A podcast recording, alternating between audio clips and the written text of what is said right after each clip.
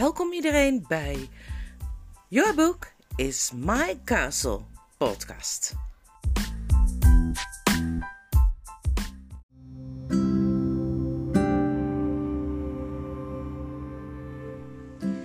En dan zijn we aangekomen bij hoofdstuk 15. En er staat boven het eind van dit verhaal en het begin van alle andere. Dus dit boek kwam eigenlijk nog voor Het land achter de kleerkast en alle andere verhalen. Nou, het laatste hoofdstuk. Ik ben benieuwd hoe dit gaat. Als ik bij jullie ben, hebben jullie geen ringen nodig, zei Aslan. De kinderen knipperden met hun ogen en keken om zich heen. Ze stonden opnieuw in het woud tussen de werelden. Oom Andreas lag in het gras en sliep nog steeds. En Aslan stond naast hen. Kom, zei Aslan, het wordt tijd dat jullie teruggaan. Maar eerst moeten er nog twee dingen gebeuren: een waarschuwing en een opdracht. Kijk hier eens, kinderen. Ze keken en zagen een kuil in het gras, warm en droog. Er groeide gras onderin. De vorige keer dat jullie hier waren, zei Aslan, was die kuil een meertje. En toen jullie daarin sprongen, kwamen jullie in een wereld waar een stervende zon scheen, boven de puinhopen van Charn. Dat meertje is er nu niet meer. Aan die wereld is een eind gekomen, alsof hij nooit had bestaan. Laat dat een waarschuwing zijn voor het geslacht van Adam en Eva. Ja, Aslan, zeiden de kinderen allebei, maar Polly zei er achteraan: Maar zo slecht als die wereld zijn wij toch niet, hè, Aslan? Nog niet, dochter van Eva, zei hij, nog niet. Maar het begint er bij jullie steeds meer op te lijken. Het is niet ondenkbaar dat er in jullie geslacht een slechterik komt, die een geheim ontdekt dat net zo erg is als het alles verwoestende woord, en die het zal gebruiken om alles wat leeft te vernietigen. En binnenkort, heel binnenkort, voordat jullie een oude man en een oude vrouw zijn, zullen er in jullie wereld grote volkeren zijn die geregeerd worden door tirannen die net zo weinig om blijdschap en recht en genade geven als keizerin Jadis. Laat jullie wereld op zijn hoede zijn. Dat is de waarschuwing. En dan nu de opdracht. Zodra jullie kunnen, moet je die oom van jullie zijn toveringen afpakken en ze begraven, zodat niemand ze ooit meer gebruiken kan. Kinderen stonden omhoog te kijken in het gezicht van de leeuw terwijl hij deze woorden zei. En plotseling, hoe het precies gebeurde, hebben ze nooit begrepen, leek dat gezicht een zee van golvend goud te worden waar ze in dreven. En ze voelden zo'n liefelijkheid en kracht om zich heen en over zich heen spoelen en door zich heen stromen, dat ze beseften dat ze tot op dit moment nog nooit echt gelukkig of wijs of goed waren geweest of zelfs maar geleefd hadden of zelfs maar wakker waren geweest. En de herinnering aan dat ogenblik bleef hun altijd bij, zodat ze hun hele leven lang, als ze ooit bedroefd waren of bang of boos, terug moesten denken aan al die gouden goedheid en het gevoel hadden dat die er nog steeds was. Vlakbij, net om het een of andere hoekje of achter de een of andere deur. En daardoor wisten ze dan diep in hun hart weer zeker dat alles in orde was. Het volgende ogenblik kwamen ze alle drie, oom Andreas was nu ook wakker. Nou, kwam er toch een telefoontje tussendoor? Ja, dat kan zomaar gebeuren. Nou, we gaan verder met lezen hoor. Het volgende ogenblik kwamen ze alle drie, oom Andreas was nu ook wakker, binnenrollen in de herrie, de hitte en de geurtjes van Londen. Ze stonden op de stoep voor de voordeur van het huis van de Ketterlies. En alles was nog precies zoals ze het hadden achtergelaten. Alleen waren de tovenares, het paard en de koetsier weg. Daar stond de straatlantaarn met een van de twee stangen afgebroken. Daar lag het wrak van het koetsje. En daar was de mensenmassa. Ze stonden allemaal druk te praten en bij de beschadigde politieagent zaten mensen op hun knieën die dingen zeiden als hij komt weer bij of hoe voel je je nu, jongen? Of de ziekenwagen kan in een mum van tijd hier zijn. Hoe is het mogelijk? dacht Dickory. Volgens mij heeft dat hele avontuur geen tijd in beslag genomen. De meeste mensen stonden verwilderd rond te kijken, waar Jadis en het paard waren gebleven. Niemand lette op de kinderen, want niemand had ze weg zien gaan, of gemerkt dat ze weer terugkwamen. Wat oom Andreas betreft, zoals zijn kleren eruit zagen met al die honing op zijn gezicht, had geen mens hem kunnen herkennen. Gelukkig stond de voordeur van het huis open en de dienstbode in de deuropening met grote ogen naar al die drukte te kijken. Wat had zij een heerlijke dag vandaag. En dus was het voor de kinderen geen probleem om, André, oom Andreas naar binnen te loodsen voordat iemand vragen zou gaan stellen. Oom Andreas rende voor hen uit de trap op en eerst waren ze heel bang dat hij naar zijn zolderkamer wilde en van plan was de rest van de toveringen te verstoppen. Maar daar hadden ze zich geen zorgen over hoeven maken. Het enige waar hij aan dacht was de fles in zijn kleerkast. Hij verdween dadelijk in de slaapkamer en draaide de deur op slot.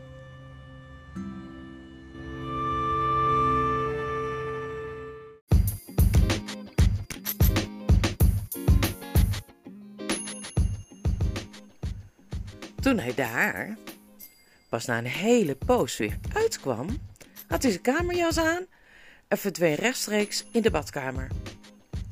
Kun jij de andere ringen halen, Paul? zei Dickery. Ik wil eerst naar mijn moeder. Goed, tot zo, zei Polly. Ze stommelde de trap op naar de zolder. Toen bleef Dickery even staan om diep adem te halen. Daarna ging hij zacht de kamer van zijn moeder binnen. Daar lag ze, zoals hij haar al zoveel keer had zien liggen, in de kussens geleund, met zo'n mager wit gezicht dat je wel zou willen huilen als je eraan keek. Dickery haalde de levensappel uit zijn zak.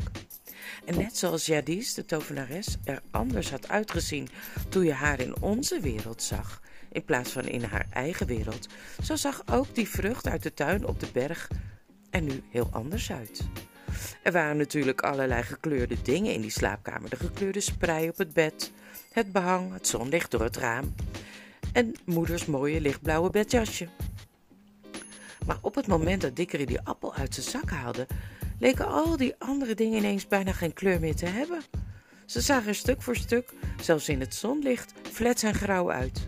De appel straalde zo dat er vreemde lichtplekken op het plafond vielen. Alle andere dingen waren niet meer de moeite waard om naar te kijken. Je kon er zelfs, niet, je kon zelfs nergens anders naar, meer naar kijken. Die appel van de jeugd rook alsof er een openstaand raam in de kamer was, dat rechtstreeks in de hemel uitkwam. O schat, wat prachtig, zei Dickery's moeder. Je gaat hem toch wel opeten, hè, alsjeblieft, zei Dickery. Ik weet niet wat de dokter ervan zou vinden, antwoordde ze. Maar echt, ik geloof dat ik hem bijna dat ik hem wel zou lusten. Hij schilde hem, sneed hem in stukken en voerde hem partje voor partje aan haar op. Ze had hem nog niet op of ze glimlachte. En haar hoofd zakte terug in het kussen en ze sliep. Een echte, gezonde, weldadige slaap zonder al die akelige medicijnen. En dat, wist Dickery, was waar ze op dit moment het allermeest behoefte aan had. Nu wist hij zeker dat haar gezicht er een beetje anders uit begon te zien.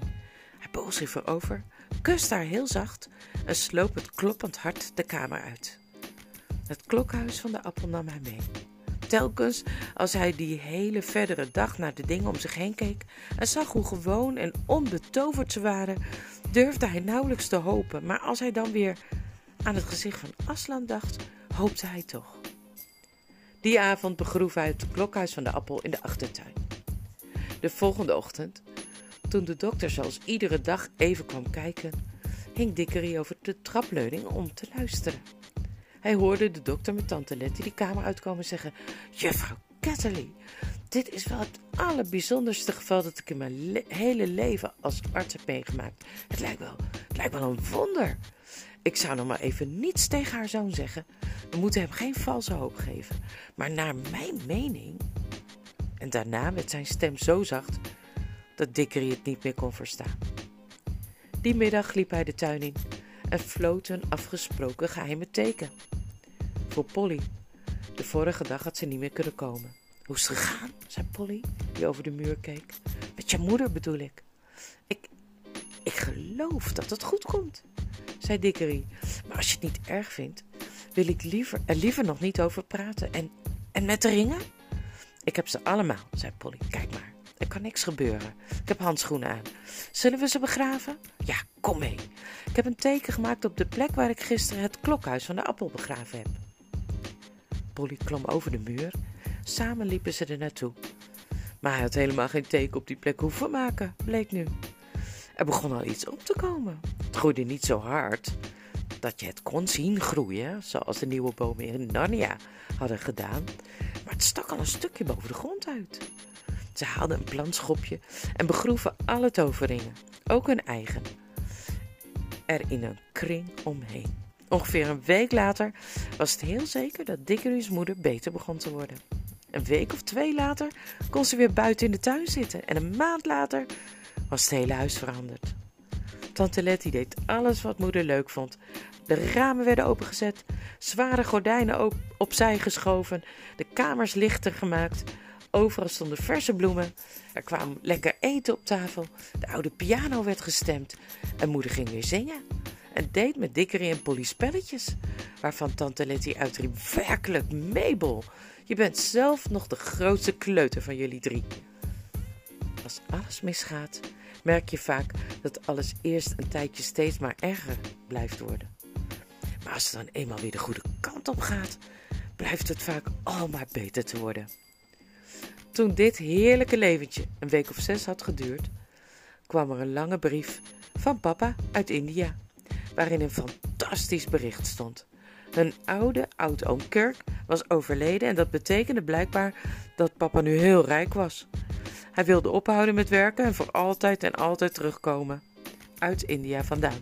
En het enorme landhuis, waarover Dickery al zijn hele leven had gehoord, maar dat hij nog nooit had gezien, zou hun huis worden. Het landhuis met de harnassen, de stallen, de kennels, de rivier, het park, de plantenkassen, de druivenkassen, de bossen en de bergen erachter. En dus wist Dickery, net zo zeker als jij, dat ze allemaal nog heel lang en gelukkig zouden leven. Maar misschien zijn er toch nog een paar andere dingen die je graag zou willen weten. Polly en Dickery zijn altijd dikke vrienden gebleven en bijna iedere vakantie kwam ze bij hen logeren in een prachtige huis op het platteland. Daar leerden ze paardrijden en zwemmen en koeien melken en bakken en bergbeklemmen.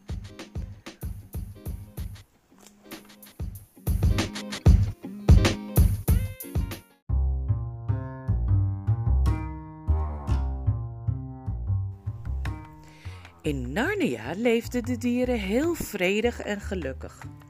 En vele honderden jaren lang werd dat lieflijke land niet lastiggevallen door de tovenares of enige andere vijand. Koning Frank en koningin Helena en hun kinderen woonden heel gelukkig in Narnia.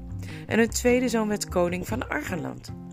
De jongens trouwden met nymfen en de meisjes met bosgeesten en riviergeesten. De lantaarn die de tovenares zonder het te weten geplant had, stond dag en nacht te schijnen in de wouden van Narnia, zodat de plek waar hij groeide tenslotte het lantaarnwoud ging heten. En toen, op een besneeuwde avond, heel veel jaren later, een ander kind uit onze wereld in Narnia kwam, brandde hij nog steeds. En dat avontuur had op een bepaalde manier alles te maken met de avonturen die ik hier verteld heb. Het zat namelijk zo. De boom die tevoorschijn was gekomen uit de appel die Dickery in de achtertuin had geplant, werd een mooie grote boom. Omdat hij in grond van onze wereld stond, ver van de klank van Aslans stem, ver van de jonge lucht van Narnia, kwamen er geen appels aan waarvan een stervende vrouw weer tot leven kon komen, zoals met Dickory's moeder gebeurd was. Ook al groeiden er appels aan die mooier waren dan alle andere appels in Engeland. En ze waren heel goed voor je, hadden ze niet helemaal die toverkracht. Maar van binnen, helemaal tot in zijn sap, bleef de boom zich altijd die andere boom in Narnia herinneren, waar hij bij hoorde. Soms ruiste hij geheimzinnig als het helemaal niet waaide. Ik geloof vast dat dat gebeurde als het in Narnia stormde. En dat die Engelse boom huiverde omdat de boom in Narnia op dat moment stond te schudden en te zwaaien in een krachtige zuidwesterstorm. Hoe het ook zij, later is wel bewezen dat er in zijn hout nog steeds toverkracht zat. Want toen Dickery al een man van middelbare leeftijd was, en tegen die tijd was hij een beroemde geleerde, een professor, en reisde hij veel, en het oude huis van de Catterleys van hem was, woedde er een geweldige storm in heel Zuid-Engeland, waarbij de boom omwoei. Hij vond het vreselijk om die boom zomaar tot kachelhout te laten hakken. Daarom liet hij van een gedeelte van het hout een kleerkast maken, die hij in zijn grote landhuis zette. En dan was hij zelf niet degene die de geheimzinnige eigenschap van de kleerkast ontdekte. Iemand anders ontdekte ze wel. En daarmee begonnen alle reizen tussen Narnia en onze wereld, waarover je weer in andere boeken kunt lezen. Toen Dickery en zijn familie in het grote landhuis gingen wonen, namen ze oom Andreas mee. Want Dickery's vader zei: We moeten ervoor zorgen dat de beste man geen kattenkwaad gaat uithalen. Het is niet eerlijk om die arme Letty altijd met hem opgescheept te laten zitten. Oom Andreas heeft, zolang hij leefde, nooit meer geprobeerd te toveren. Hij had zijn les geleerd. En hij werd op zijn oude dag nog een aardige en minder egoïstische oude man dan hij ooit geweest was. En hij bleef altijd stilletjes bezoekers meenemen naar de biljartkamer om hun verhalen te vertellen over een geheimzinnige dame, een buitenlandse van koninklijke bloeden, met wie hij had rondgereden door Londen. Een verschrikkelijke driftkop was het, zei hij dan, maar het was een pittig vrouwtje, zeg ik je, een pittig vrouwtje.